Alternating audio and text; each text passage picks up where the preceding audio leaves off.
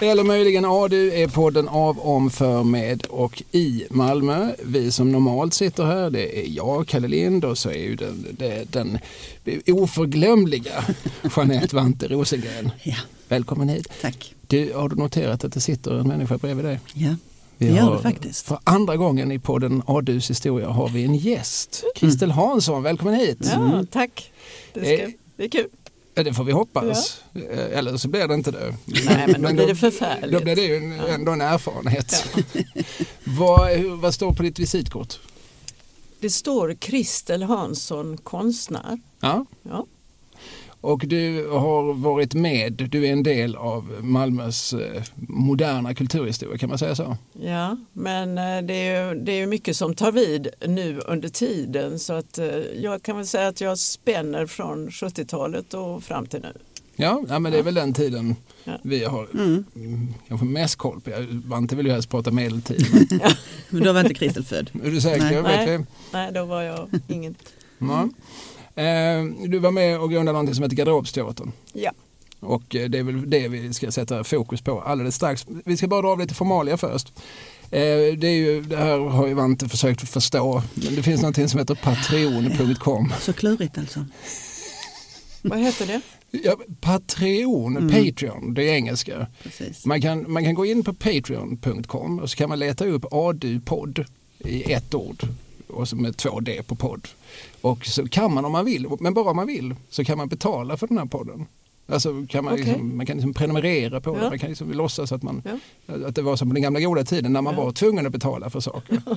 eh, det här är bara liksom ett tips till våra lyssnare om man, om man vill liksom krydda upplevelsen så kan, så kan man Mm. kasta in en liten slant till oss. Och tycker man det är krångligt, du, du tycker det är krångligt, eller hur Christer? Ja, Ja. bara jag får swisha så går det bra. Precis, titta. då har vi ett swishnummer. Mm. 123 052 1088. 123 052 1088. Då går pengarna till KLKAB, Kalle Lind, Kulturarbete AB och så får Vante Mm. vad, vad, vad vi tycker att hon är värd. Precis. Det Ja, varierar. det är snällt. Ja precis, ja, det varierar lite grann också i, beroende på hur mycket som har, som har trillat in på kontot. Mm. Men också såklart på din insats. på hur vi bedömer den. Eh, bara liksom så här återkoppling. Vi, Viktor Wikmark har skrivit, eh, vi, vi pratade om Malmö hamnar i förra avsnittet. Mm. Eh, och eh, så skriver han, jag blev fundersam till om Big Slap verkligen ägde rum i norra hamnen som ni sa. Eller om det stora området snarare hör till Nyhamnen. Mm. Och det är väl just Nyhamnen som det finns storslagna planer för, inte norra hamnen som någon sa. Det låter som att jag bara märker ord, men så är det inte. Jag utesluter inte att jag själv har tagit fel. Men givetvis så jag fel. Var det så? Ja, jag menade såklart Nyhamnen Ja. och inte norra hamnen Ja. som, som liksom Malmö stads nästa stora expansionsområde. Där eh, Justin Bieber uppträdde Just det. sommaren 20. Var du där? Nej, det var jag inte. Men du tänkte gå dit? Du stod i startblocken? Nå, Ja, nej. Jag är inget bibelfan. Du är ingen belieber? Nej, jag är ingen belieber. Nej, Det hann jag inte med. nej men Det vadå? Ja. Du har annat, annat att göra än att lyssna på Justin Bieber. Ja, nej, men det, det har vi väl egentligen alla om man så vill. Eh, och sen eh, prat, ja, men i, i allra senaste avsnittet pratade vi om tre män med skägg. Ja. Och Aron Hill, Jan Hemmel och eh, Per Olin. Ja. Och, och då var vi inne på, du, du började prata om Åke Aron Hills brors mustasch. Just det ja. Ja, det är ju lätt hänt. Ja men det är sånt som dyker upp i konversationer. Eh, per Warving är en av våra mest inbitna lyssnare. Han skriver och inleder. Ni har säkert redan fått hundra mejl om detta. Birger Pellas var guldsmed på Adelgatan 15 och hade världens längsta mustascher. Då får vi lite kuriosa. Hans Ja. bästa affär var att han formgav examensringen på Lunds tekniska högskola och behöll de ideella rättigheterna. Ja, ja, ja. Så det var Birger Pellas och inte Elon Aronhill som hade sin ateljé eller verkstad där. Ja. Det var en guldsmed som hade väldigt långa mustascher Ja. men den guldsmeden hette inte Arenhill. Nej. Så var det utrett för alla som har gått i veckor och, Ja, ja. och retat Och sig. hur långa var mustascherna egentligen? För att jag för mig det var... Jo, men de var väldigt fina kommer jag ihåg. Ja. Men eh, det var inte så att man tänkte att de, de hängde ju inte ner utan det var någonting, liksom, man Man hade något arrangemang Ja, som det. gick, gick upp så här. Han måste ju ha haft en sån här mustaschhistoria på sig när han sov Ja. kan jag tänka mig. En sån som även Hercule Poirot. Ja just Ja. det, han har säkert alla sådana arrangemang.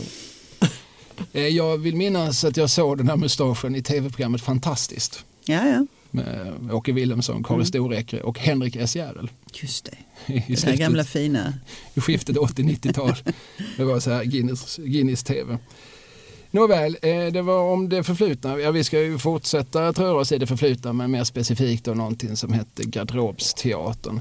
Eh, Vante, du som, som ung släpades med på alla former av kulturarrangemang i Malmö. Det har du berättat för oss Mm. om din, din eh, eh, vad heter det, ambitiösa är det låg eller mellanstadielärare? Eh, till och med gymnasieläraren. Erna Hammar. Mm. Framförallt hon, det var ju många andra också. Men eh, jo, hon tog också med oss till Garderobsteatern. Vi såg bland annat Fröken Julie minns jag. Jaha. Mm. Mm. Inne på gården där. Mm. Mm. Ja, Ja, det var ju roligt med gården där för att eh, det var verkligen en, en bakgårdsteater. Mm. En gång så när vi spelade Ystadgatan 22 så kom det två tanter och de, eh, ja du vet som jag är nu ungefär. Och så, kom, så tittade de in för dörrarna var öppna och så ropade den ena tanten till den andra Det finns bänkar! Och då tänkte jag så här, det här är tuffa kvinnor. De ger sig ut på någonting, de har ingen aning om vad det är. Och så är de till och med glada för att de kommer få sitta. ja det var ingenting de hade räknat Nej, med. de är alltså beredda på vad som helst. Ja, ja. Liksom, så att, eh, ja. Vi kanske, det kanske kommer att vara i två dygn, vi kanske kommer att vara tvungna att stå upp. Ja, men vi ska ändå dit för vi har talat om detta. ja. Ni vet sån happening som vi håller på med. Men du Christer, som av en slump, du nämnde att ni spelade Ystadgatan 22. Alltså Mm. dels låg ju Garderobsteatern Ja, på ja. Ja. adressen Ystadgatan 22. Men ni spelade också en pjäs, en föreställning Mm. som hette Ystadgatan 22.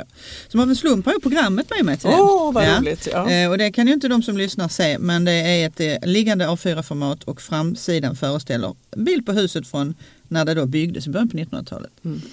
Vante lämnar ju aldrig hemmet utan det här programmet. Nej det är faktiskt eh, riktigt sant. Men jag tänkte att jag skulle be få återkomma till det Ja. om en stund för där finns mycket intressant eh, Historik. historik. Ja. Mm. ja, precis. Historik då både om teatern och om det som den här föreställningen handlar om. Det vill säga. Precis. Eh, ska vi börja från början Kristel? Var, Okej. var, alltså, varför heter det Garderobsteatern? Ja, detta var ju frågan vi fick alltid. mm. Och, eh, Nu kanske ni får den för sista gången. Då, Nej, men det någonsin. finns inget vettigt svar. Och, då, och jag som har skött rätt mycket av marknadsföring och gjort på den tiden man gjorde alla affischer och allt material för hand. Jag hade ingen dator, vi hade skrivmaskin typ. Eh, så var det ju ett hopplöst långt ord. Mm. Och just på Ystadgatan 22 så beställde jag en gång en neonskylt som gick uppifrån och ner. Och den var lång ska jag säga. Den syntes ända från Möllevångstorget men jag fattar inte, hur vi hade råd att köpa en sån skylt och hur den kom upp och alltihopa. Men Garderobsteatern handlade väl lite grann om att vi tog ut, så- alltså det här är nu min spekulation efteråt, det fanns inget riktigt svar som vi kunde ge och alla frågade men vi hade inget vettigt svar. Men lite grann det där att vi tog ut allting och gjorde dockor för vi började ju som en dockteater. Ja, Så det var väl lite grann materialet ur gömmorna, sånt ord. Det kunde varit mycket bättre har jag tänkt under många år. Men eh, så var det, Garderobsteatern. Jag vill minnas från min barndom att det fanns en bok som heter Garderobsteatern av Barbro Lindgren. Eh, Som för övrigt just har fått de nios pris. Ja, de tyngsta det är jätteroligt. priserna. Andra barnboksförfattare någonsin efter Lennart Heter den Garderobsteater i garderoben tror jag den heter någonting. Ja, I ja. garderoben. Och det är små, små scener och sketcher som, Ja. som barnen då Mm. själva kan spela i sin teater. Man kan spänna upp ett Mm. skynke i sin garderob. Ja. Alltså rent bokstavligt. Mm. Men det har ingenting Nej, med, nej. med er teater att Nej. göra. Men detta, eh, vi, vi hade, det började, alltså det är ju en rolig historia för egentligen så är det så här att för min del så sätter jag mig ner och frågar mig vad kan man göra som, eh, förutom jag var ju, gick ju på Grafikskolan Forum och skulle bli konstnär och grafiker och bli och bli, men jag utbildade mig till det. Och eh, så min goda vän och jag vi satt och funderade på vad kan man göra vid sidan om som är kul. Och då kom vi fram till att dockteater är ju jätteroligt. Då får man bestämma allting och man är ju nästan som gud. Man gör figurerna, man är rösten och ja, man kan göra allting. Alltså en människa kan flyga och så vidare. Och man behöver inte ha med sådana där jobbiga Nej, skådespelare. skådespelare sådana svettiga. Typ. ja, Nej, men men vi startade upp och jag var väldigt mycket över i Köpenhamn och tittade på, där fanns en del olika grupper, bland annat det lilla teatret och var, snokade runt och då kunde man hoppa på en båt för sex kronor, ni vet, fram och tillbaka och det var, det var kul. Och så hittade jag tre personer som satt och gjorde dockor på väster och det var Rolf Rang och Kristina Claesson och Raimo Juntunen. Ja, ja. Och mm. då fick jag kvala in där när de hade godkänt mina dockor. och eh, sen på, det, på den vägen var det. Och vi, det var ju det att vi satt och gjorde dockor och, och så hade vi hur kul som helst. Men så en dag så var det någon förskollärare som tyckte att ja, men ni kan väl komma ut och spela. Och så gjorde vi det och så blev vi liksom, barnen blev lyckliga och vi blev ju ännu lyckligare för vi blev ju mottagna och sen så rullade det på. Vi var en oerhört liten scen och handdockor som de hette. Men, ehm, så det var så det började. Och då var det väl mycket det var uppsökande verksamhet i början, så ni, ni var ute i oh, busken? Ja. Mm. Oh ja, det där med scenen det kommer ju sent. Mm, alltså, mm. Så att, eh, eh, vi, vi, har, vi sitter där på Väster i en liten eh, lägenhet och, eh, och så men sen, och det var ju, vi, vi lekte ju och det var ju kanske kriteriet på Garderobsteatern att det var mycket lek. Eh, men det blev ett och annat jobb och så blev det ett, ja ni vet, det rullade på lite grann. Men sen kom det faktiskt ett erbjudande från Rikskonserter. Och då hade, nu kommer jag inte ihåg vad han hette efternamn, men Christer hette han. Han var anställd där och han vill, hade en idé att Byteatern i Kalmar som var en verkligt seriös dockteater och eh, teatergruppen Oktober och Garderobsteatern skulle åka på turné i Jämtland, Dalarna i olika, på olika sätt och så skulle vi sammanstråla på några ställen och utbyta erfarenheter och så. Så han la en turné för, för de här tre grupperna uppe i Jämtland. Och då hade vi en, en, en pjäs som vi hade gjort för ändamålet och det var Snövit, hette den. En revolutionär flicka kan man säga. Mm. Och då åkte vi omkring i Dalarna och ställde till det för Dalateatern. Både Dalarna och Jämtland? Ja. Mm. Du, innan vi tryckte på REK så sa du att du inte kommer ihåg några årtal och att jag absolut inte fick ställa några frågor om årtal. Men jag kommer nu att fråga dig ungefär när i tiden 75 har jag liksom tänkt ja, någonstans är det där. Det Fast ni börjar 73? Om ja, vi börjar 73 med, med den, den lilla dockteatern. Vi börjar 73. Ja. Uh, men sen den här pjäsen som är Snövit som är lite mer avancerat där vi liksom vi ska på den här turnén, vi har fått en beställning, vi gör en pjäs. Mm. Så att då var det, och då fick vi betalt. Mm. det vill jag också säga. Det, det andra var ju lite nollpengar. Men innan, innan vi kommer till den pjäsen så gör vi vår första turné. Och då tycker vi att det är vackert och fint i Bohuslän. Så vi, vi lassar bilen full som är en rosa bil där det står Garderobsteatern på en liten eh, skåpbil. Och så kör vi, så står vi på Arbetsförmedlingen och säljer vår pjäs. För det var ju dyrt att ringa Riks. Kommer ni ihåg? Just det. Och då är det gratis att ringa på Arbetsförmedlingen och den låg på Drottningtorget. Så där stod vi och sålde vår föreställning och till slut så hade vi några föreställningar och så tog vi oss upp på sommaren och spelade på bibliotek. Och allting var ju, alltså, man kunde bara plocka fram det här och sätta upp. Och så åt vi upp pengarna när vi hade fått dem. Så att det var ur hand i mun där.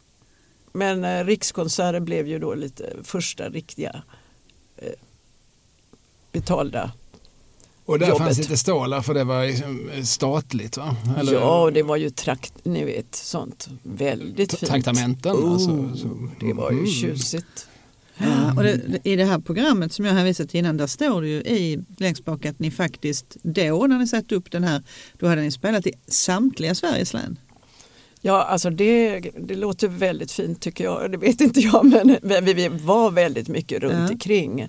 Så att eh, på, på den tiden när vi spelade dockteater så levde vi faktiskt på de beställningarna som kom från Stockholm. Och då fanns det kulturkommittéer. Och då var det sådär, ja kan ni komma till den här skolan, det blir tre föreställningar, den första klockan åtta. Dun, dun, dun, Ni vet, man körde liksom tre föreställningar före klockan tolv i gymnastiksalen. Mm. Men man undrar nu, de där kulturkommittéerna, försvann de bara eller var är de nu? Tänker jag. Mm. För då var vi, vi var i. Akalla, Hjulsta, eh, ni vet alla ytterområdena var vi. Mm.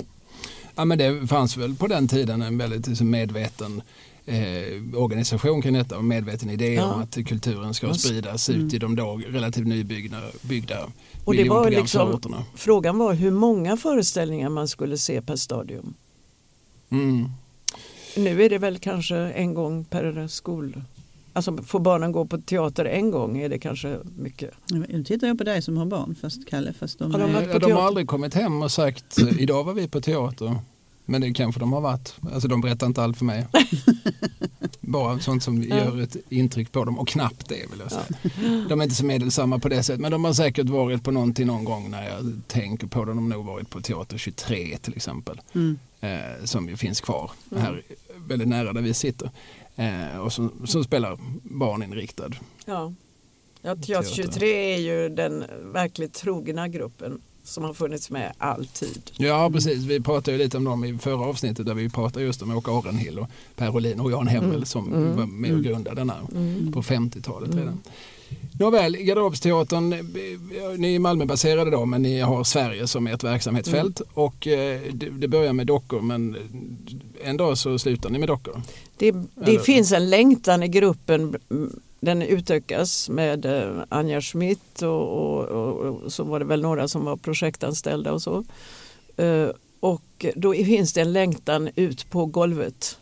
Det börjar med att vi arbetar med dockor som vi så att säga hanterade fast vi syntes som, som dockförare klädda i svart. Och så höll vi, höll vi dockorna framför oss.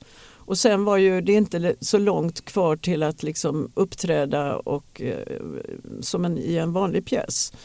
Eh, Det som sker parallellt för mig det är ju att när jag är med i en föreställning som heter Pinocchia då gör jag alla dockor och scenografi och så ska jag spela dessutom. Och jag förstår väldigt tydligt att scenen är inte min utan jag ska vara bakom för jag ska göra scenografin. Mm. Och det var väldigt tydligt för det blev ju alldeles för, för mycket. Och sen kunde jag inte, jag förstod inte det där med regi, du vet.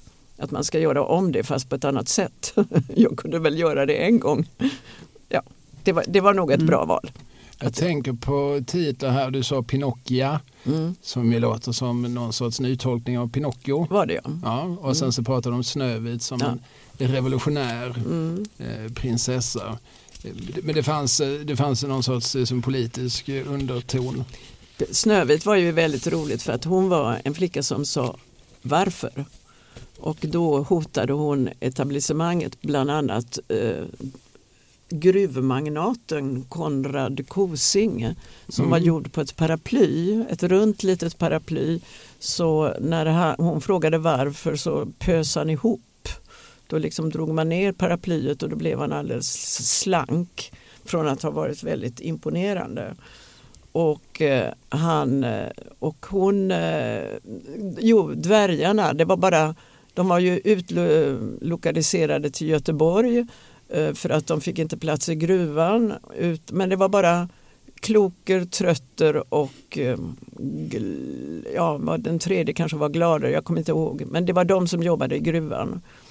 Och då hade då var det ju, då var de bevakade av den här magnaten. Så det var ett öga som såg allting, en mun som gav order och, en hands, eh, och ett öra som hörde allt vad de sa och en handske som åtgärdade det som skulle åtgärdas, liksom eh, ta iväg någon eller så så, och det var väldigt en hiskelig pjäs och dessutom så skulle vi då involvera publiken vilket ju alltid är liksom ett farligt eh, element. Ja, så efter publiken är mm. i snitt 4-5 år.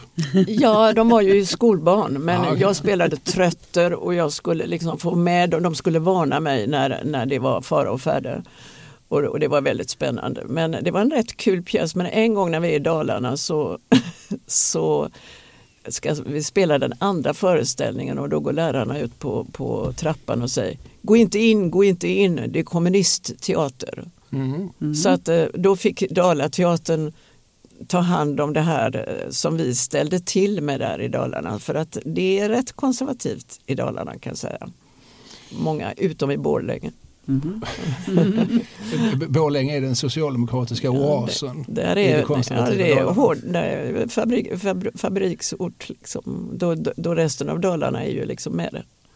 Så att, där är ju inte fabriks, det är ju inte så man arbetar med i fabriker så mycket mm. då. Men det du beskriver det är ju någonting jag känner igen från min barndoms 70-tal. Ja. Jag lyssnade mycket på en platta som heter Kåldolmar av Calcippo. Ja, det var ju favorit. Nationalteatern. Där förekommer också gruvor. Ner i gruvan, ja. proletärer. Ja. De elaka kungarna från västerland som hade dollartecken på kronorna. Eh, så det var där, och där förekommer också det kommunistiska spöket som, mm. som var mm. stort blåvitrandigt påslakan med, med hammaren och Jag är rädda för spöket. Mm. Fantastiska låtar som mm. Eh, jag fortfarande nynnar på. Och som faktiskt mina barn kan. Men eh, som sagt, 70-tal. Mm. Det, var, det var mycket rakt på sak och eh, mycket naivt många gånger i sina, men, men vi hade väldigt kul. Vi var, vi var väldigt uppfyllda av detta. Det är också intressant, alltså Pinocchia Eh, för bara några år sedan så kom det en Pixie-bok, ni känner till mm, Pixie-böckerna, mm, de här små kvadratiska böckerna för små barn, eh, som heter Törnros. Ja. Mm. Så att, eh, det är ju samma sak, ja. sorts, alltså man, man vänder på könsperspektiven. Mm. Det är ju som någonting som, som förekommer ganska mycket nu i barnlitteratur och, och som också ifrågasätts mycket från diverse håll. Mm, som har blivit till vapen i, mm. ja, ja. i det kulturkrig som pågår medan vi sitter här och myser. Mm. Eh, och, eh, så, så jag menar, det, man, man, ser hur vissa saker kommer igen på något vis. Mm. För, att, mm. för, det, för det där ifrågasättandet som, som på senare år har varit vanligt och då har det kanske ofta handlat om ett, handlat om ett, ett köns, ett trans och ett etnicitetsperspektiv. Men det fanns ju redan på 70-talet mm. som en del i ett allmänt ja, ifrågasättande. Ja. Men där ni kanske ofta då också tog in kapitalet. Ja, för det var ju antikommersiellt. Mm. Det var ju det, det ledande ordet och det Pinocchio utsätts för det är ju då det kommersiella. Att hon ska dras in och bara handla och köpa hamburgare och allt vad det nu var. Men, men eh, hon, ja, det är hennes färd genom detta, detta eh, och hur hon söker sig fram. Liksom. Mm. Jag tänkte bara flika in här med just den här Snövit som du nämnde. Mm. Snicksnack sa Snövit står ja, det här. Att men det är, något, är det något annat? Snicksnack så Snick, nej men, eh, ja, nej men är inte det den här, vi gjorde en parafras på Narnias sagan som hette Snödrottning, eh, mm. Snödrottning mm. men Snicksnack sa Snövit. Hon kanske sa det. Det kanske var den officiella titeln som du mm. som Ja det kanske hette Snicks... Jo mm. men det hette den ja. Mm. Den hette inte bara Snövit, den mm. hette Snicksnack. Så, när han, när, så hon sa varför och då var liksom ifrågasatte hon det hela. Men vi gjorde faktiskt också, kommer jag att tänka på nu, en, en variant av eh, Narnia-sagan, mm. ni vet med snödrottningen och mm. barnen mm. som går in i garderoben. De gick ju alltså. in i garderoben. Mm. Och då var det just, då, jobb, då jobbade vi med dockor som var eh, ja, de var väl kanske en, en meter höga barnen och så var det ett stort lejon och så var det blandat med skådespeleri. Mm. Ja, så det var sagor, vi utgick ifrån sagor. Alltså. mm. ja, Narnia var ju C.S. Lewis ja. fantasy-svit. Det gjordes en tecknad film. Det är ju fantastiskt, mitt bästa kuriosum om eh, den tecknade Narnia-filmen. Mm. Vem gör rösten som jag tror Edmund? Mm. Och ja, det är något roligt. Ja, det är något roligt. Det är Per Nuder. Oh, är det sant? Sedermera samordning som finansminister. Det var så han började sin karriär. Okay. Ja, det, är bara, helt underbart. Jag har inte så mycket med garderobsteatern att göra. Men, men, det, det, är så att vi behöver för att krydda upp samtalet. Mm. Men jag tänkte slänga in lite här med Victoriateatern. Mm. Eh, denna institution som det ju bråkades om också mitten på 70-talet och där ni helt uppenbart var lite grann inblandade. Oh ja. Mm.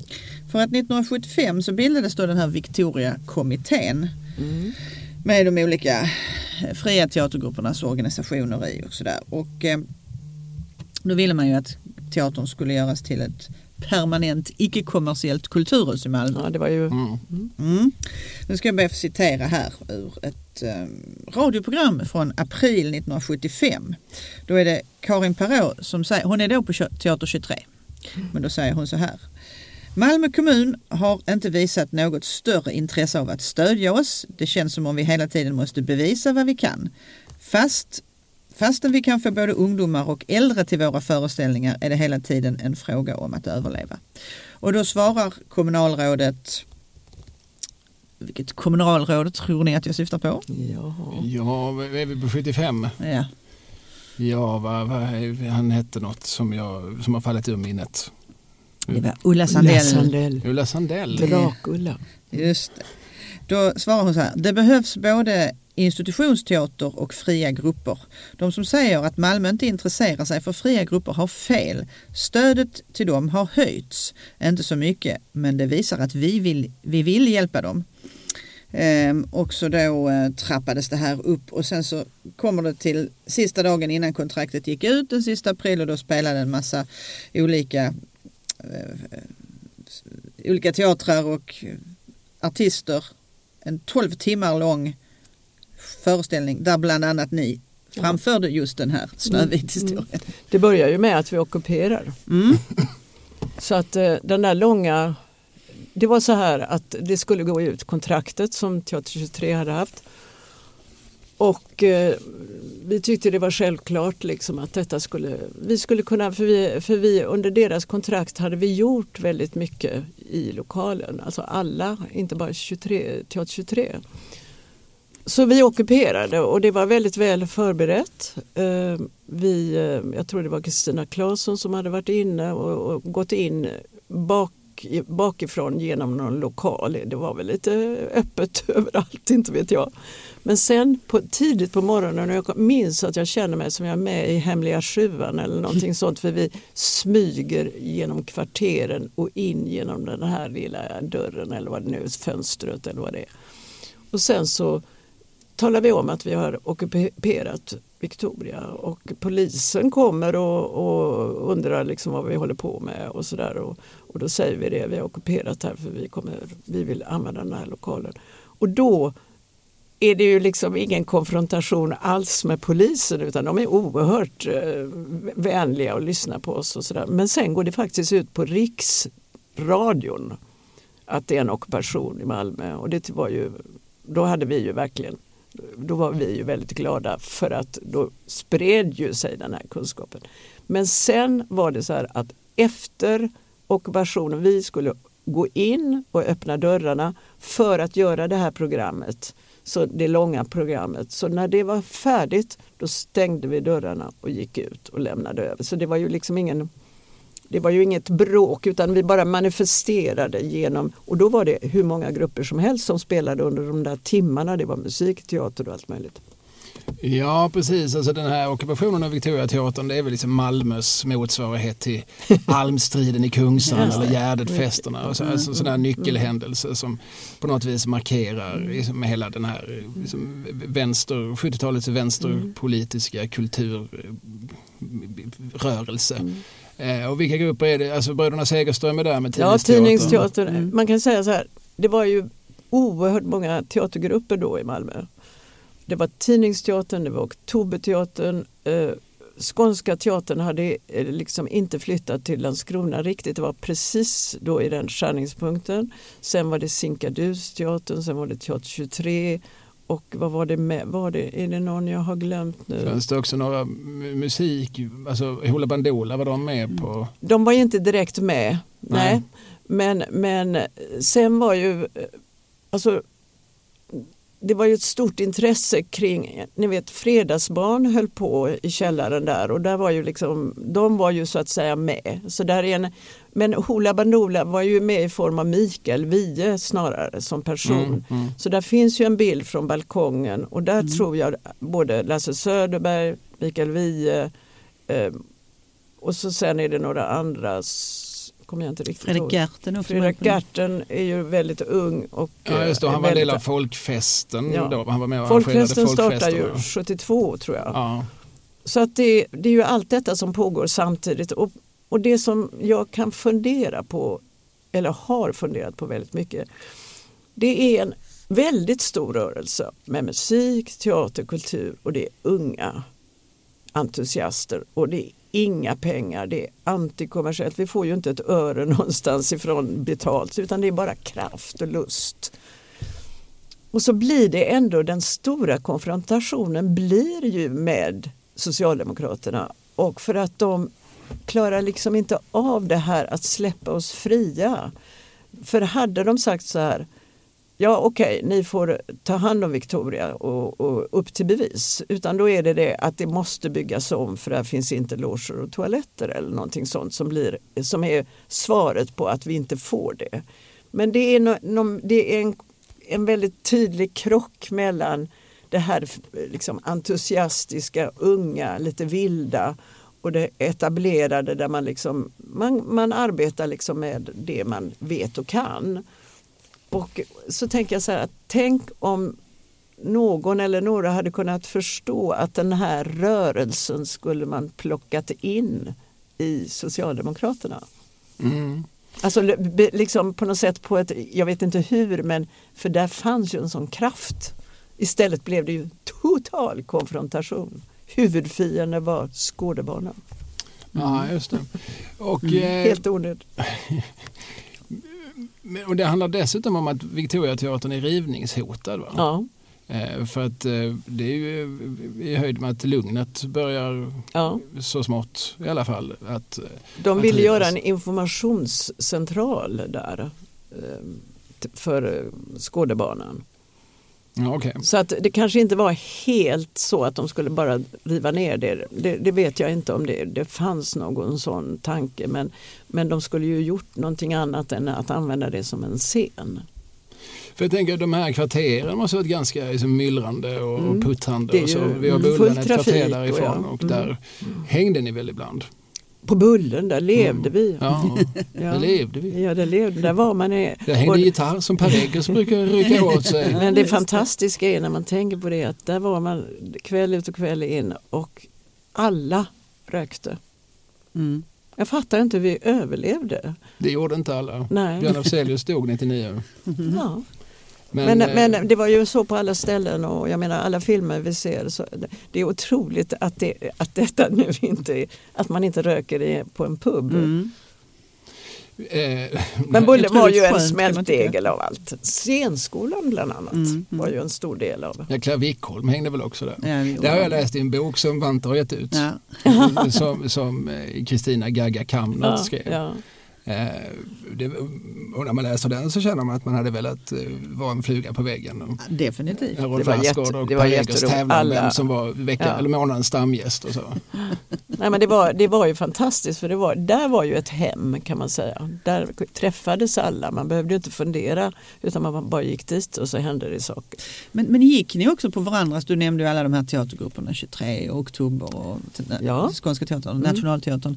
Gick ni på varandras föreställningar Ja. och ni liksom interagerade Ja, med varandra? Det var Mm. till och med, vi hade ju någonting som hette Teatercentrum Syd. Mm. Och, och en, en inte så rolig sak var detta att en gång var det en föreställning som verkligen, man skulle idag kalla det, man skulle säga att alla dissade den föreställningen för den var, jag kommer inte ihåg vem det var som gjorde den och varför den var så dålig. Men då bestämdes det att Teatercentrum Syd skulle få möjlighet att titta på varje föreställning innan Mhm. premiär. En sorts censurfunktion. Ja. Sen blev det kanske inte så mycket av det. Men det gjorde ju då att man hade en föreställning då Teatercentrum Syd kom och tittade. Alltså rent så. Men annars gick man ju, man, man gjorde ju allting. Man, vi tittade på varandras föreställningar. Mm. Och jag tänker det är en tid också då, alltså nu är Lugnet inte rivet utan där kan man bo ganska mm. lätt och billigt och mm. uh, utan rinnande mm. vatten men, men nära mm. till Bullen. Uh, alltså jag bara föreställer mig att det, det här är som ett, ett, ett myller som som idag kanske i någon mån finns på Möllevången men också bara där tror jag. Jag vet inte, när rivs Lugnet? Kan ni det? det är ju, Undrar om inte det är rivet redan? Redan i början på 60-talet tar man ju en del men annars är det ju början på 70-talet. Eller förlåt, slutet på 60-talet den första och sen i början på 70-talet. Ja för jag minns ju inte Lugnet riktigt. Som Nej, okay. som När kom en, du till Malmö? 70. Ja. Mm. Okay. Då är det liksom lite konstigt där bakom Alltså att det inte, det, jag vet inte om det är rivet helt och hållet för det finns ju hus men mm. jag, jag minns det inte som en levande, levande kvarter riktigt. Man punktsanerade ju i början och sen så var det ju rätt många kvarter som blev stora parkeringsplatser. Just det. Och stod så väldigt länge mm. också. Mm. Ja, så de här stora gapande hålen ja. i innerstäderna som ju inte kan ha gjort så himla bra reklam för gästande. Ja utifrån tänker jag. Mm. Eh, Nåväl, eh, Garderobsteatern, efter Victoria, vad, vad händer med er, er verksamhet? Vi, eh, vi gör några föreställningar och vi har en lokal som ligger inte så långt härifrån. Det var eh, uppe på Kalendergatan. Precis, man gick igenom eh, Kronqvists konditori så det var konditori på ena sidan och så var det café på andra sidan så var det en port och så ner i källaren där hade vi en lokal där vi antagligen blev lite avgasförgiftade men, men vi tyckte det var mycket fint och där jobbade vi. Och sen fortsätter vi med en föreställning som är nog det märkligaste vi gör egentligen någonsin. Det är en dockteaterföreställning för vuxna baserat på en rysk saga som heter Gå jag vet inte vart, Hämta jag vet inte vad. Och detta är en krånglig titel. Ja, väldigt eh, krånglig. Och, men eh, med de här klassiska Baba Yaga som är en häxa, rysk, eh, förekommer i ryska sagor. Och eh, Fedot eh, och den som är jägare. Och, och, och, ja, ni vet, en, en riktigt fin saga. Men vi jobbade, jag jobbade med de där dockorna, jag vet inte hur länge. Och hur vi överlevde vet jag inte. Men vi gör denna föreställning och vi har då ingen lokal utan då har vi premiär på Ungdomens hus. Mm. Och, eh, och så spelar vi, det, och det är uppsökande teater så att vi spelar i Sjöbo, vi spelar tror jag någon föreställning i Stockholm. Men den var ju fruktansvärt svår att sälja dockteater för vuxna, rysk saga, ni vet det var inte lätt.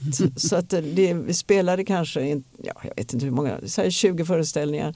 Men vi la ner otroligt mycket arbete på detta och, och då kan man ju verkligen fråga sig hur överlevde vi? Mm. Men det gjorde vi. Det var inga stora anslag vi hade på den tiden. Men hade ni några brödjobb vid sidan om också? Ja det hade ju alla försökt ju överleva men, men inte, inte jättemycket men, men på något sätt så hankade vi oss fram och så åt vi gröt till lunch som blev liksom till slut en kulinarisk eh, ja, det fanns, finns inte sådana grötor som vi gjorde. Men det fanns ju olika sätt att överleva i gruppen. Ja. Mm. Men det är innan vi har hittat fram till lokal. Men alltså det är nästan det är hela tiden vi jobbar med detta att vi söker en lokal. Så att vi startar ju i samband med folkfesterna där föreningen Huset. Och då gör vi ju konserter runt om i Malmö på, på P3 skolas alltså aula och i Sankt Gertrud och, och, på olika ställen. Men det är hela tiden där vi vill ha ett hus och vi var ju uppe på chokladfabriken och där var också försökte vi. Vi var på det moderna museet så när jag går omkring i Malmö så tänker jag ja, vi, vi vill göra någonting här och vi vill göra någonting där. Alltså det är nästan alla de, men de lokalerna är ju nu kulturlokaler. Mm. Så det är ju därför det är roligt med Victoria att det nu är en scen som fungerar så bra. Men till slut hittar ni fram? När gör, ja, det? Det är, jag vet inte riktigt hur det kommer sig men, men det är väl någon som hittar den här lokalen. Och då ligger den på, på Ystadgatan 22 och den är inte så stor för där finns en karamellfabrik till att börja med mm. Eh, som, som eh, har en stor del av lokalen. Vi gör en barnföreställning eh, som heter och vad hette den nu igen? Det vet Snäcks, nej, ja, det, det, är, det handlar om en sköldpadda. ja, I vilket fall, vi gör, i den lilla lokalen gör vi en barnföreställning. Men sen så flyttar karamelltanten ut och då slår vi ner de väggarna och då får vi den lokalen där, som vi då kan göra den första föreställningen i lokalen är eh, Ystadgatan 22. Och varför det blev det, det var egentligen att vi hade en pjäs som vi inte tyckte var tillräckligt bra. Och då stod vi utan pjäs och då var det, vad ska vi göra? Och jag tror att det är Kristina Claesson som är drivande bakom idén. Och då är det det att alla de här figurerna som det blev i föreställningen representerade en verksamhet. Det var en etuimakare, det hade varit etuifabrik. Mm. Det var en balettdansös, det hade varit eh, träningslokal för balletten.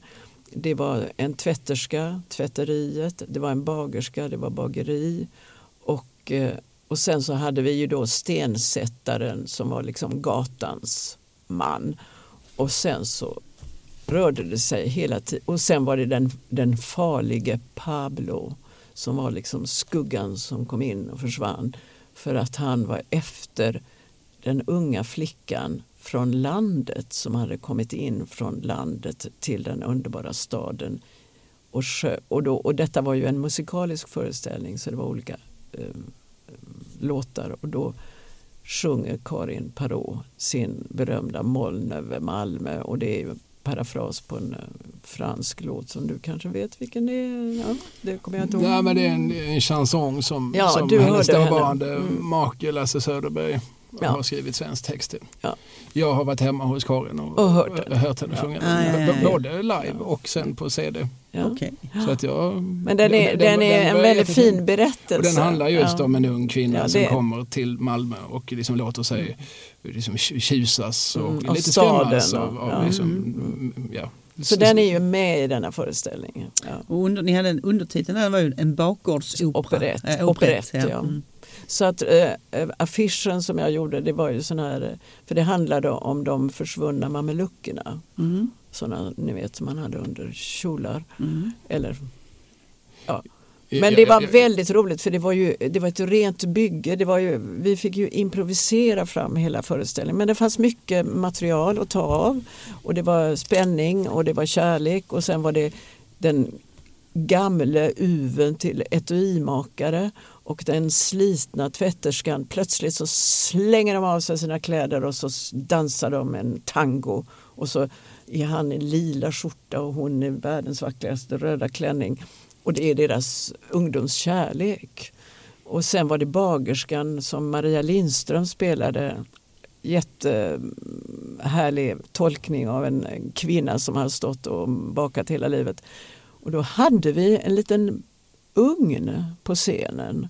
Och hon stod, det var jätteroligt, hon stod med en enorm deg och hanterade den på scen och folk var ju alldeles ifrån sig för att den, den degen rörde sig. ju Och, och, men hon, det hon faktiskt gjorde det var att hon bakade bullar som, när de, som de får när med pjäsen är slut. Och då när de kommer ner in efter paus då ligger den här bulldoften ni vet, i hela Mm. lokalen. Det var verkligen publikfrieri Mm, alltså, på hög nivå. Snyggt. Mm. Men det var, det, var väldigt, det var väldigt rolig och det som var ga- gatu, alltså eh, gatu, mm, stensättaren hette han. Då gjorde vi en riktig, vi hade en riktig stensättning som gatukontoret kom och gjorde, de här bågarna, ni vet. Och så hade vi de små stenarna som heter kattaskallar. Det är, det är inte den stora gottstenen utan det är den lilla. Men, men det, kattaskallar var ingenting ni hittade på utan så Nej då, nej då, nej Ja. då. Och han hade en jungfru som den här stampen heter, när Mm. man stampar ner. Nej, just det. Så det, men vi var ju tvungna att lassa in, jag vet inte hur mycket sand i denna låda och så la de en liten bit. Och eh, sen så fixade och trixade han i närheten av så att där låg liksom riktig eh, gatusten. Så det var väldigt tufft. Det var en väldigt tuff föreställning. Och ni eh, var riktig research bakom. Ni letade reda på alla som hade bott i huset Ja. och vävde in dem i historien om jag Ja, förstått det rätt. ja. Så det, det är mycket Kristina Claesson som gör detta Mm. jobbet och, och hittar de här fina bilderna som finns i katalogen. Just det. Mm. Vi måste placera detta både kronologiskt och geografiskt. Alltså, vet vet vi vilket år den här pjäsen görs? Är det, eller är jag hård mot dig nu Christer när jag ställer Ja, frågan? men, eh, jag vet att lokalerna fick ni 78 och sen höll ni på att renovera där ett Ja. tag. Så första pjäsen som ni framförde där var 1980. 80. Mm. Men jag undrar om inte gat, eh, Ystadgatan är snäppet senare för att jag tror att 80 är um, Drömskalet hette äh, pjäsen om, Om om, sköldpaddan. om, sköldpaddan. Jag tror att Drömskalet är först. Och eh, eh, s- 81 står det här. förlåt. 81 Min- ja, min, då har vi eh, hunnit. fusklapp, Ja, ja, just det, 81. Mm. Då har vi fått den stora lokalen. Och sen om vi då ska pinpointa Ystadgatan 22. Hur ligger detta i förhållande till Möllevångstorget? Du går ju helt enkelt, det är Ystadgatan och Ja. du börjar ju vid torget, du börjar ju Ystadgatan. Så du går, du pinnar hela vägen ner, du är nästan nere vid Jesusparken. Ja just det, men det är på den sidan Mm. Nobelvägen, Ja. så att säga Mm. Möllevångssidan. Och så är det på vänster sida från torget räknat. Finns huset kvar? Ja, ett vanligt hyreshus är det nu. Mm. Men där bodde också liksom Amalthea Mm. och eh, eh, alla Alltså lokaler. Ja, ja, många lokaler var uthyrda till, till folk i, eh, i eh, musikrörelsen och annat. Den hialöse. Den ja, den hia, vad var det för Det något? var någon eh, tidning va? som Ja. gjordes. Ja. Också med. Men eh, rent lokalmässigt så har jag läst någonstans att ni anlitade Oskar Heikenskiöld. ja, han var med. Mm. Och eh, han var med framförallt i, han var med länge och han kom att göra en hel del scenografier, bland annat Fröken Julie. Mm. Eh, Vi Som jobbade, Bante såg. Just precis. ja, och eh, vi jobbade inte tillsammans, jo vi jobbade tillsammans med den här dockteaterföreställningen till för vuxna. Men sen när vi kom till Ystadgatan så, så var ju Oskar mycket i lokal, alltså han var ju arkitekt så Mm. att han kunde ju mycket av det. Men sen kom vi att jobba med olika föreställningar så vi jobbade lite i parallella grupper. Så han gjorde Fröken Julie och så gjorde han, eh, ja vad hette nu den pjäsen? Tänk på det, det är också en väldigt kul Malmökoppling med hans mamma Ja. eh, Annika Heikenskiöld Mm. som ju var formgivare Former. och startade Formdesign Center Mm. Mm. en gång i Vi tiden. kommer också jobba med hans lillebror Jerker Mm. Heikenskiöld i Mm. en föreställning för barn. Lilla odjuret hette den. Mm. Det var en uppsökande föreställning som vi gjorde på alltså på Ystadgatan men vi åkte turnerade för att det var, man kunde ju inte leva på att spela på, på dörren. För jag kan komma ihåg när man satt vid det lilla bordet och eh, väntade på att skulle komma, komma, publiken skulle komma. Och, och det var inte så, ja det var väl en och annan förbe, det var ju inte så mycket förbeställda biljetter kan man säga. Men det var sådär så att så fort dörr, dörren öppnade sig så var man färdig att säga välkommen. För att det, det, det var ju så viktigt med, med, med den här med publiken. Men Ystadgatan fungerade ju väldigt bra. Och sen så gjorde vi en föreställning som hette Melodin som kom bort av Kläbel. Och eh, där fick vi en väldigt skjuts när det gällde förankringen på Möllevången. För att det var några män som, inte några män, men det var framförallt en man som kom som liksom stro, strosade förbi vår lokal och så var det väl någon gång någon som sa att eh, ja, men kom in och titta vad vi håller på med. Det ledde till att hans lillebror, jag tror de var sju bröder, Nilsson tror jag de hette, och de träffades på Domusrestaurangen varje lördag eller någonting sånt, sånt och drack kaffe tillsammans. Kommer ni ihåg den restaurangen som låg, alltså det som nu är Hemköp, Alltså på På Södra. Förstadsgatan? ja, Triangeln. på Triangeln. De, där var en restaurang Mm. ovanför Ja. där. Ja, ja det, det var det in på 2000-talet. Och där träffades alla de här bröderna. Men hans lillebror Ossian kom att ta den fullständigt hopplösa rollen i den pjäsen som hette Mannen i publiken. Och ni vet hur man än, vad man än gör med en skådis så är det ingen som tror på att, att det är en, en, en, en vanlig publik. Men han var totalt genuin och eh, liksom folk fick nästan hjärtslag när han ställde sig upp och säger så här Nej, nu vill jag inte vara med om det här längre. Ni, nu, nu, var är regissören? Det får bli ett annat slut. Så här kan det inte sluta. säger då mannen i publiken. Och han sitter där kväll ut och kväll in och, och gör det här jättebra. Men innan det var premiär så hade han knappt kunnat säga någonting.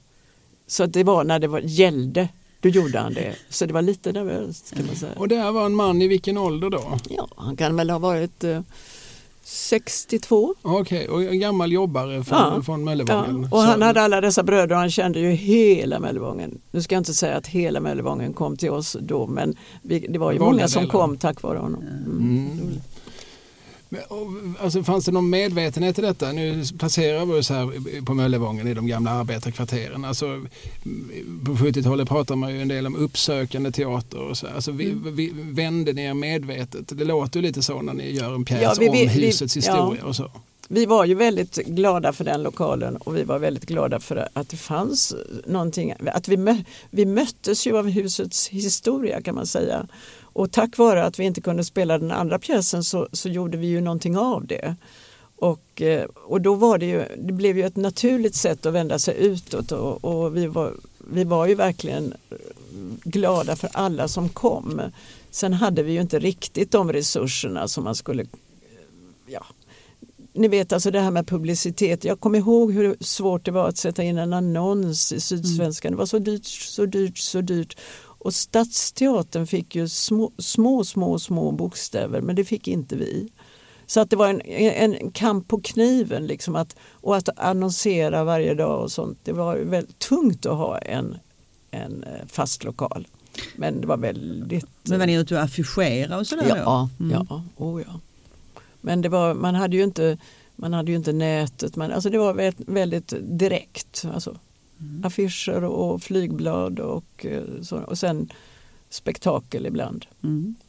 Hur stor är er organisation vid det här laget? Nu skriver vi alltså tidigt 80-tal. Hur många är ni som är inblandade i garderobsteatern? Då är vi väl kanske 10-12 stycken. Och fråga mig inte hur det gick ihop ekonomiskt. Jag fattar Hur gick det ihop ekonomiskt? Nej, men hur vi kunde få lön och, och alltihopa. Vi fick ju lite högre bidrag successivt. Det började ju med att Ulla Sandell tyckte att vi skulle sälja lotter på Möllevången Mm. för att, för, för att få in pengar. Men alltså successivt så, så kom ju också det statliga stödet in. Och vilka är ni? Alltså, Det är- ett antal namn som har nämnts. Ja, alltså det framförallt så, så är det Rolf Rang, Anja Schmidt, eh, Raimo Juntunen som var med från början, han har sökt sig ut till sin, sitt eget konstnärskap som clown. Mm. Så han blir sin egen och flyttar, tror jag, upp till, mm, är det Helsingborg eller, det är i alla fall på, på Bjäre, åt det hållet. Så att eh, han är inte med i Garderobsteatern då, utan då är det eh, men Kristina Claesson är med från och till. Hon jobbar ju, blir mer en skrivande person. Så att hon jobbar inte med eh, produ producera eller eh, alltså göra föreställningar. Men hon, hon finns i, i eh, environgerna. Sen är det Karin som hette då som arti- Parot, Karin Parot. Sen, sen var det ju fantastiskt med alla dessa personer som kom in och hjälpte mig som scenograf. För att då kunde jag kunde ta in dem som lärlingar eller på olika, det fanns olika jobb, am, inte AMS-jobb hette det inte men det hette allt möjligt. Man kunde söka på Arbetsförmedlingen så man kunde få in personer som inte då var så dyra men utan dem hade jag ju aldrig klarat mig och, och det var ju otroligt duktiga människor som, som sen försvann in i, i kulturlivet på olika sätt. Jag kommer ihåg Eva Folin som ju blev, eh, gick in i vaudeville och, och ja, hur många personer som helst som, som jobbade med scenografin just. Och sen så, och vilka är vi med? Sen så, så småningom kommer eh, Birgitta Vallgårda från Norrbottensteatern in och eh, Christian Fex inte minst. Och sen glömmer jag säkert alla möjliga människor just nu. Men, men sen är det några som är med bara under en föreställning. Eh, men, det, vi, men det blir ju mer och mer tryck på, på själva mm, det administrativa. Så där eh, kommer Louise Nessim in och Eva Nyhammar och, och det här vi börjar successivt förstå att producent är nog inte så dumt att ha. Men det, det tar jättelång tid och det är en odefinierad eh, yrke för oss. Vi, vi, ska göra allting själva. Så att man gör ju allt. Man bor, jag bor på teatern kan jag säga. Jag köper lite frukostmat hemma och sen så är jag där resten av tiden. Men du har ett hem, du är inte skriven på Ystadgatan 22? Nej, jag hade ett hem. Ja. Mm.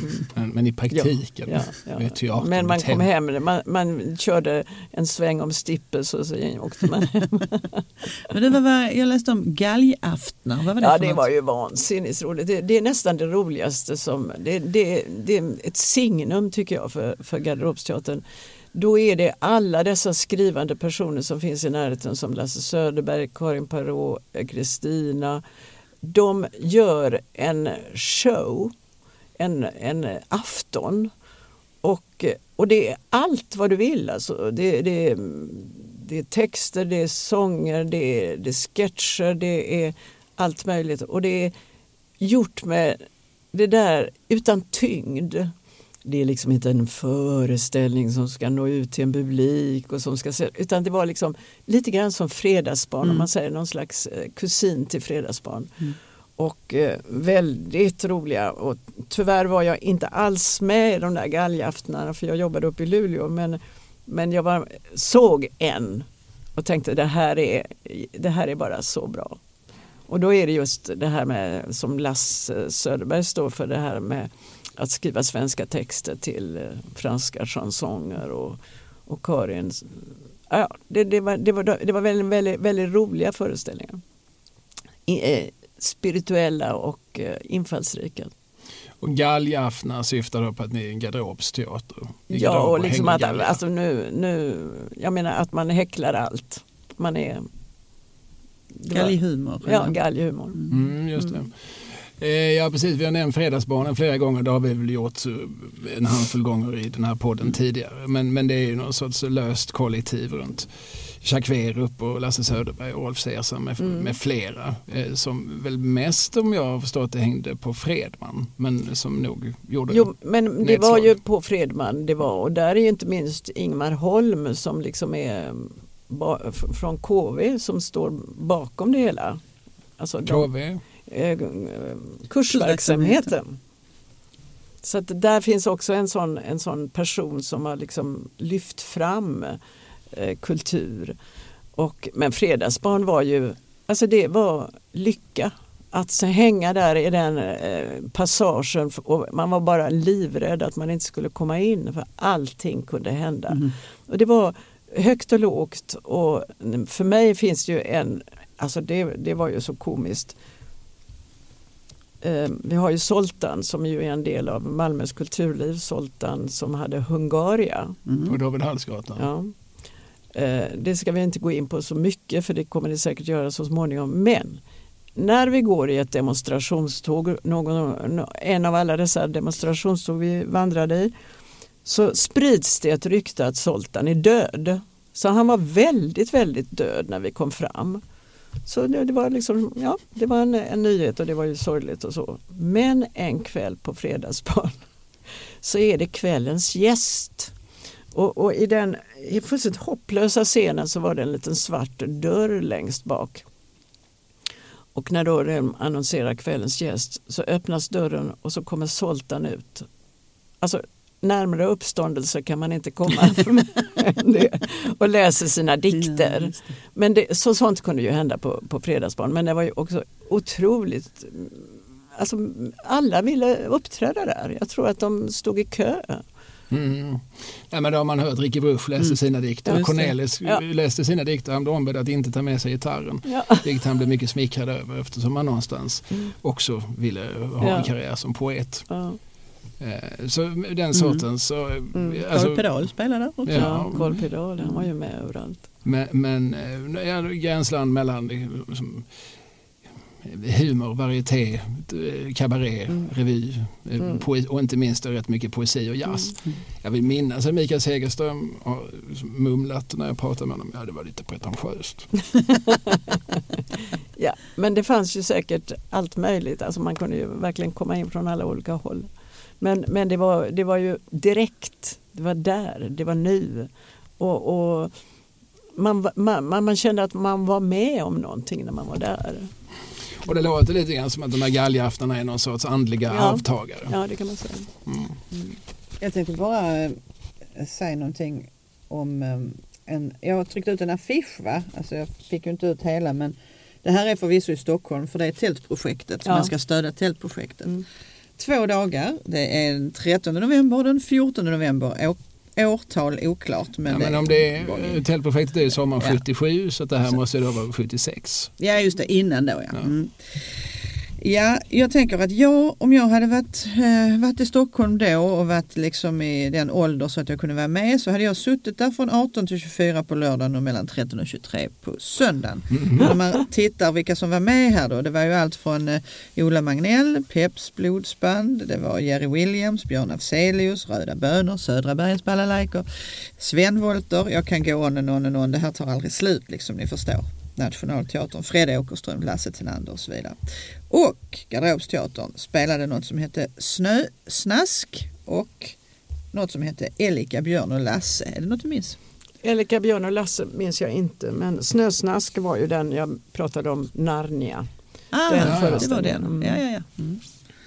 Nej men alltså så var det och jag menar tala om folkfesterna det var ju, det var ju helt vidunderligt. Det var vidunderligt, det var så roligt att jobba med detta. Och vi slet som djur men vi hade så kul. Och eh, eh, alla, alla ställde ju upp och, och, och det var gratis och, och eh, jag minns tallriken en sån här fantastisk sommarvarm dag och det bara alla, hela tallriken är full med folk och så är det stora scenen och så är det barnscenen och så, på, och, och så kom, och Peps var ju med och Hoola var med och, och, och, och liksom också udda, det kom ju, Lasse Åberg var ju liksom promotor bland, bland många där.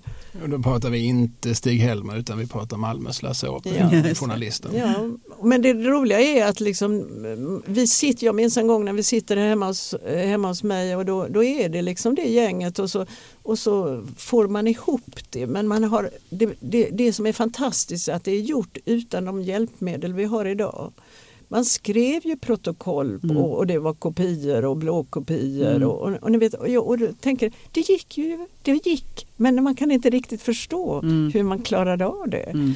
Men eh, folkfesten, alltså hela det klimatet som var det, det var ju att det var sån stark rörelse. Det pågick mycket överallt hela tiden. Och man flöt omkring på något sätt i allt detta.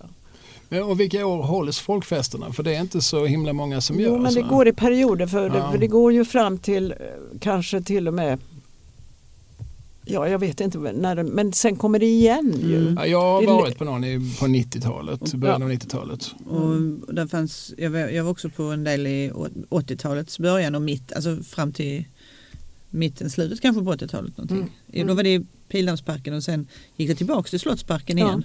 Ja. Ja, jag var i Slottsparken då någon gång, Mm. tidigt 90-tal. Jag minns man kunde köpa pins med Ja, på just Per det. Härslov. Alltså Mm. Skånepartiet, han hade åkt fast för rattfylla då så man kunde vara någon rolig pinne, han hade röd näsa. Det är det jag minns tydligast. Och att Eggstone spelar. Eh, men nu är vi på, nu är ju min tid, det behöver vi inte prata om. Eh, nu- Garderobsteatern, hur länge finns ni? Vi, eh, man kan säga så här att eh, en sak som jag skulle vilja nämna som var väldigt roligt, vi gjorde Bombi Bitt och jag. Mm.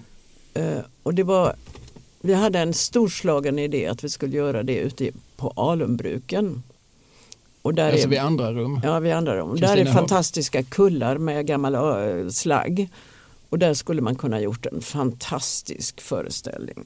Och vi gick igång på detta. Det, var, alltså det vi målade upp var egentligen en film. Men eh, det, till slut så blev det ju ett faktum att det där kunde vi inte förverkliga för det var för stort och sådär.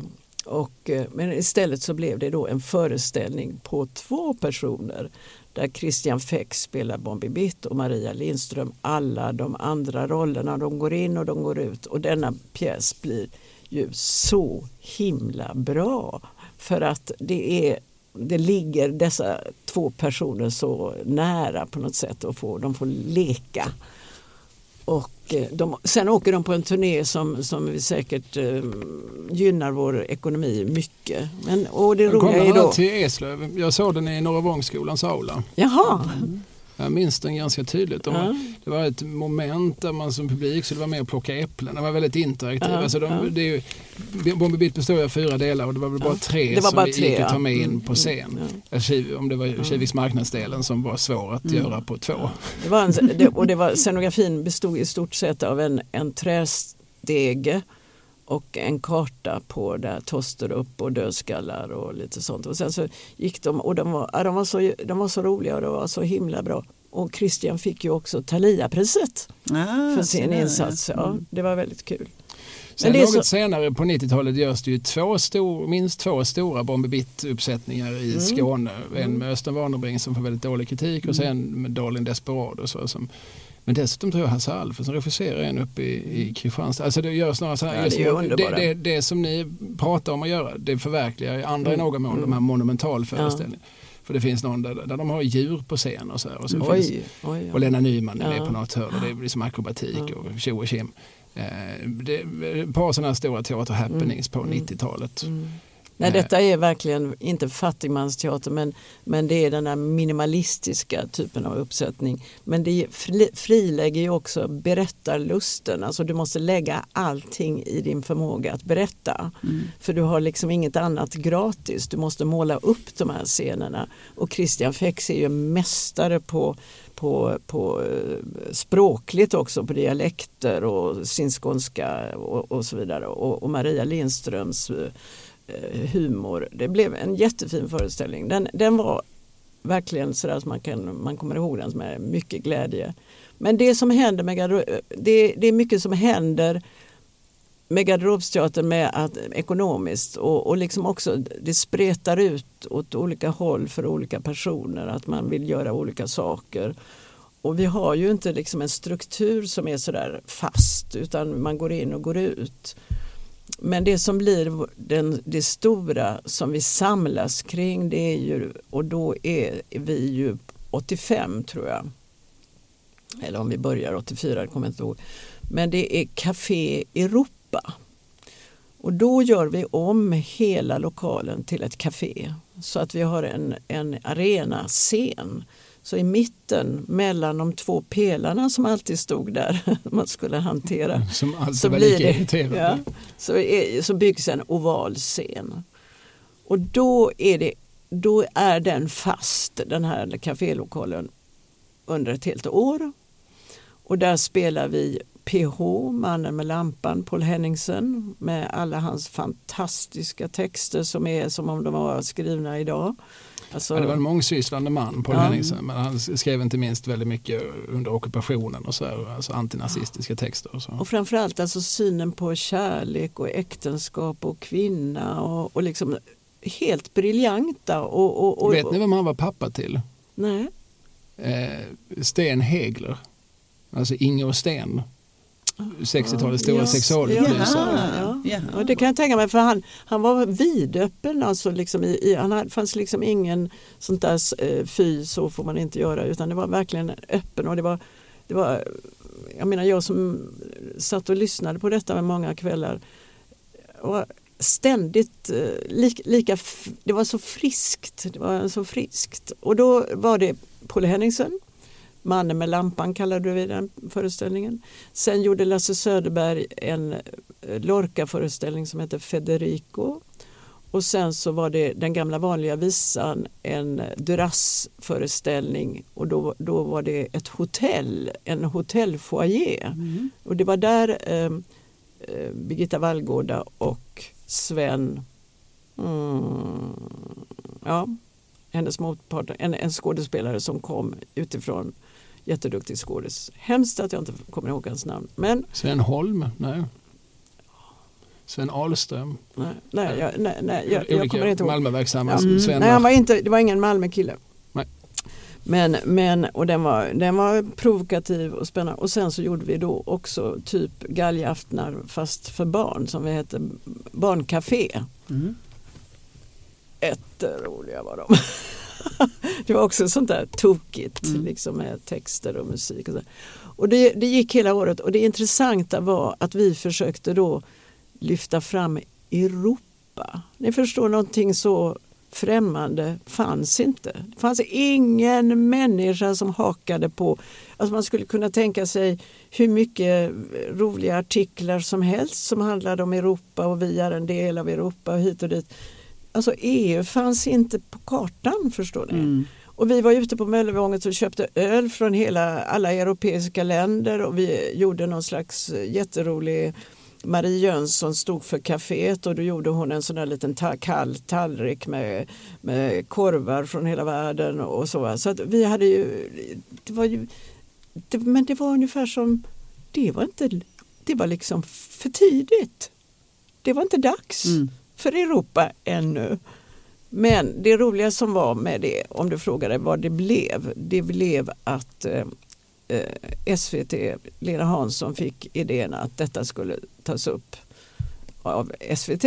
Så det finns en, en, rätt fin föreställning som fortfarande går att se. Mhm. Från, som heter Café Europa tror jag. Som filmades då. Ja. Mm. Och det här är någon gång då i mitten av 80-talet. Detta är 86 tror jag. Det slutar med, och det var, det var fantastiskt, i lokalen så att säga. Det slutar med att det är poesidagarna och eh, poeter från hela världen sitter där. Och eh, det, det görs en kväll. Det är inte en föreställning utan det är en poesikväll. Och sen så ger jag dem varsin burk med färg och en pensel. Och så säger jag, skriv nu på väggarna här en, någonting. någonting. Och, och det var så svårt, de tyckte det var så svårt att de skulle gå upp och, eller gå i, ut i den här lokalen och, som de tyckte förstöra men det, vi skulle ju lämna den så det var ju Mm. det blev lite, lite fina saker som skrevs där.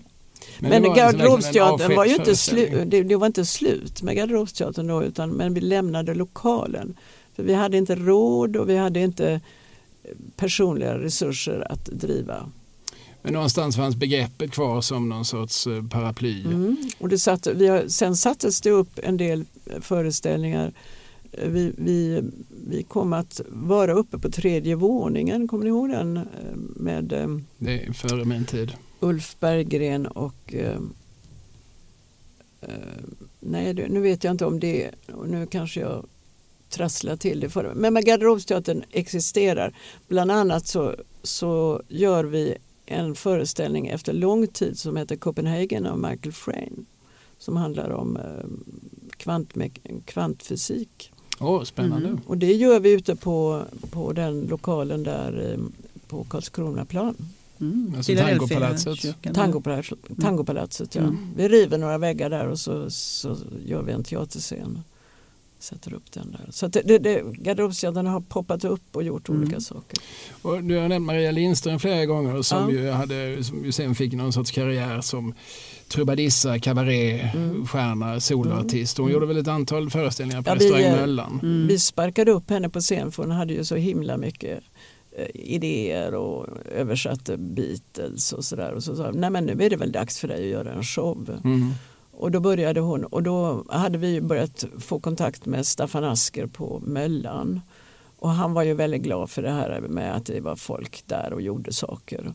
Och då gjorde hon, jag vet inte vad, nu gjorde hon så många, om det var fullt show, om det var den första. Eh, hon gjorde, jag tror tre, tre, tre olika shower på, med eget material. Och, men däremellan och publiken älskade ju henne. Hon var Ja, det ju, där minns jag väldigt Ja. tydligt. Mm. Jag, alltså, då satt jag i Eslöv och var knappt torr bakom öronen men jag läste, vi hade tidningen Arbetet och de, de skrev, rapporterade mycket från, från Maria Lindströms föreställningar. Jag, Ja. Mm. från, från mitt perspektiv verkar det här vara liksom ett fenomen med Ja. stort F. Jo men, men Mm. det var verkligen, det var ju så tätt som man kan komma eh, en artist eh, eftersom det var ju inte mycket utrymme att, att spela på. Men hon hade sina texter och sen har hon en, en, en alldeles speciell scennärvaro. Mm. Och och eh, har en självironi som är helt underbar och bland annat så sjunger hon Jag är kobent och kommer in som en kossa med liksom, ni vet, vitt och, vit och svart huckle och sådär. Och så står hon Jag kan inte få anklarna ihop är refrängen, jag är kobent. Och då, alltså det här, hennes självironi är helt ljuvlig. Men hon har ju gjort jättemycket och sen dess har, håller hon ju på för, full, för fullt helt enkelt. Men hon är numera Stockholmsbaserad. Ja. Så att Mm. Ja, hon vi, övergav vi, Malmö vi pratar efter inte längre om henne. Nej, hon är en sån. Eller möjligen, ja du tog lite abrupt slut där eftersom någon, jag behöver inte nämna några namn, men det kan ha varit jag, eh, eh, gjorde något fel med det rent eh, tekniska så att säga. Det, det är ju sånt som händer. Det kan hända vem som helst. Nu råkar det hända mig just den här gången, men någon annan gång är det väl någon annan som ja, ja, råkar göra samma mm, misstag. Eller så är det väl jag igen. Hur som helst, vad gäller garderobsteatern så rann det långsamt ut i sanden för att sammanfatta de sista minuterna av vårt samtal. Eh, adu, eller möjligen adu, är tillbaka om två veckor. Glöm för guds skull inte ni som bor i Malmö med omnejd, då tänker jag med radio på en 70-80 mil därifrån, eh, att den 21 juni så kommer jag och Vante och eh, den vandrande jukeboxen Pontus Stenqvist att göra Adu live i Pildammsparken i Malmö. Vi kommer att prata Malmö musik, tror vi. Återstår lite grann att se. Jag tror det är först efteråt vi alla vet vad i hela fridens namn vi gjorde. Sarvi. Hej. Allt beror